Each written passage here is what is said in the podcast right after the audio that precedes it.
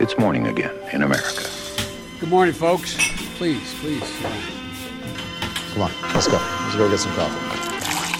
Thank you very much.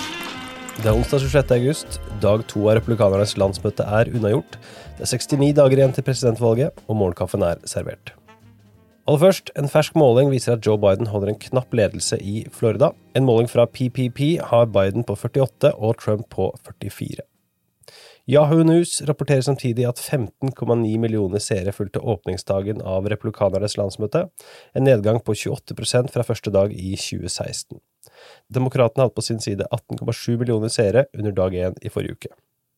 Dagens første sak. Dag to av republikanernes landsmøte er unnagjort, og de som kom med bidrag tirsdag kveld, inkluderte blant annet Donald Trumps barn Eric og Tiffany Trump, senator Rand Paul fra Kentucky, samt en tale fra utenriksminister Mike Pompeo i Jerusalem. Det var hovedtaler og førstedame Melania Trump som avsluttet dag to med en tale fra Rosehagen i Det hvite hus. Foran et lite publikum så fokuserte hun på problemene knyttet til rase, og dro samtidig paralleller til sin egen fortid som immigrant.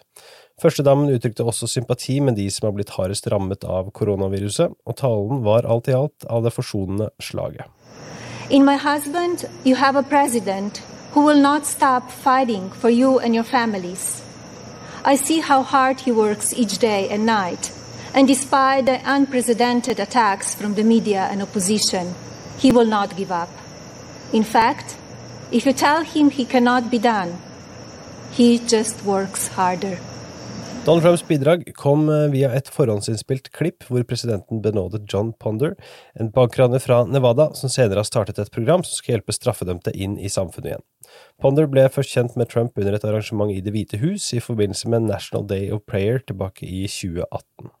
So now I'd like to John's wife Jamie to join us as I grant John, I'm not sure you know this, a full pardon. So I don't know if you know that, Jamie. Come on over here. It's just an honor. Dagens andre sak. Michael Cohen fyrer løs mot Trump.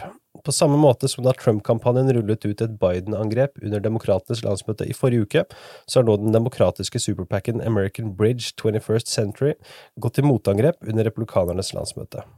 Det er Donald Trumps tidligere mangeårige advokat Michael Cohen som kommer med angrepene mot presidenten. Klippet skal sirkulere på både TV og sosiale medier gjennom ukens landsmøte. Trump-kampanjen har allerede sluppet en pressemelding hvor en talsmann går løs på Cohens kredibilitet. For more than a decade, I was President Trump's right hand man, fixer, and confidant. I was complicit in helping conceal the real Donald Trump. I was part of creating an illusion. Later this week, he's going to stand up and blatantly lie to you. I'm here to tell you he can't be trusted, and you shouldn't believe a word he utters. So when you watch the president this week, remember this. If he says something is huge, it's probably small. If he says something will work, it probably won't. And if he says he cares about you and your family, he certainly does not. Dagens utgave av Målkaffen er servert av Henrik Skotte og undertegnede Are Togo Flaten. Dersom du støtter oss på Patrion, så får du høre daglige gjennomganger av eh, landsmøtet. Gjennomgangen fra dag én ligger ute, og senere i dag så kommer gjennomgangen fra dag to.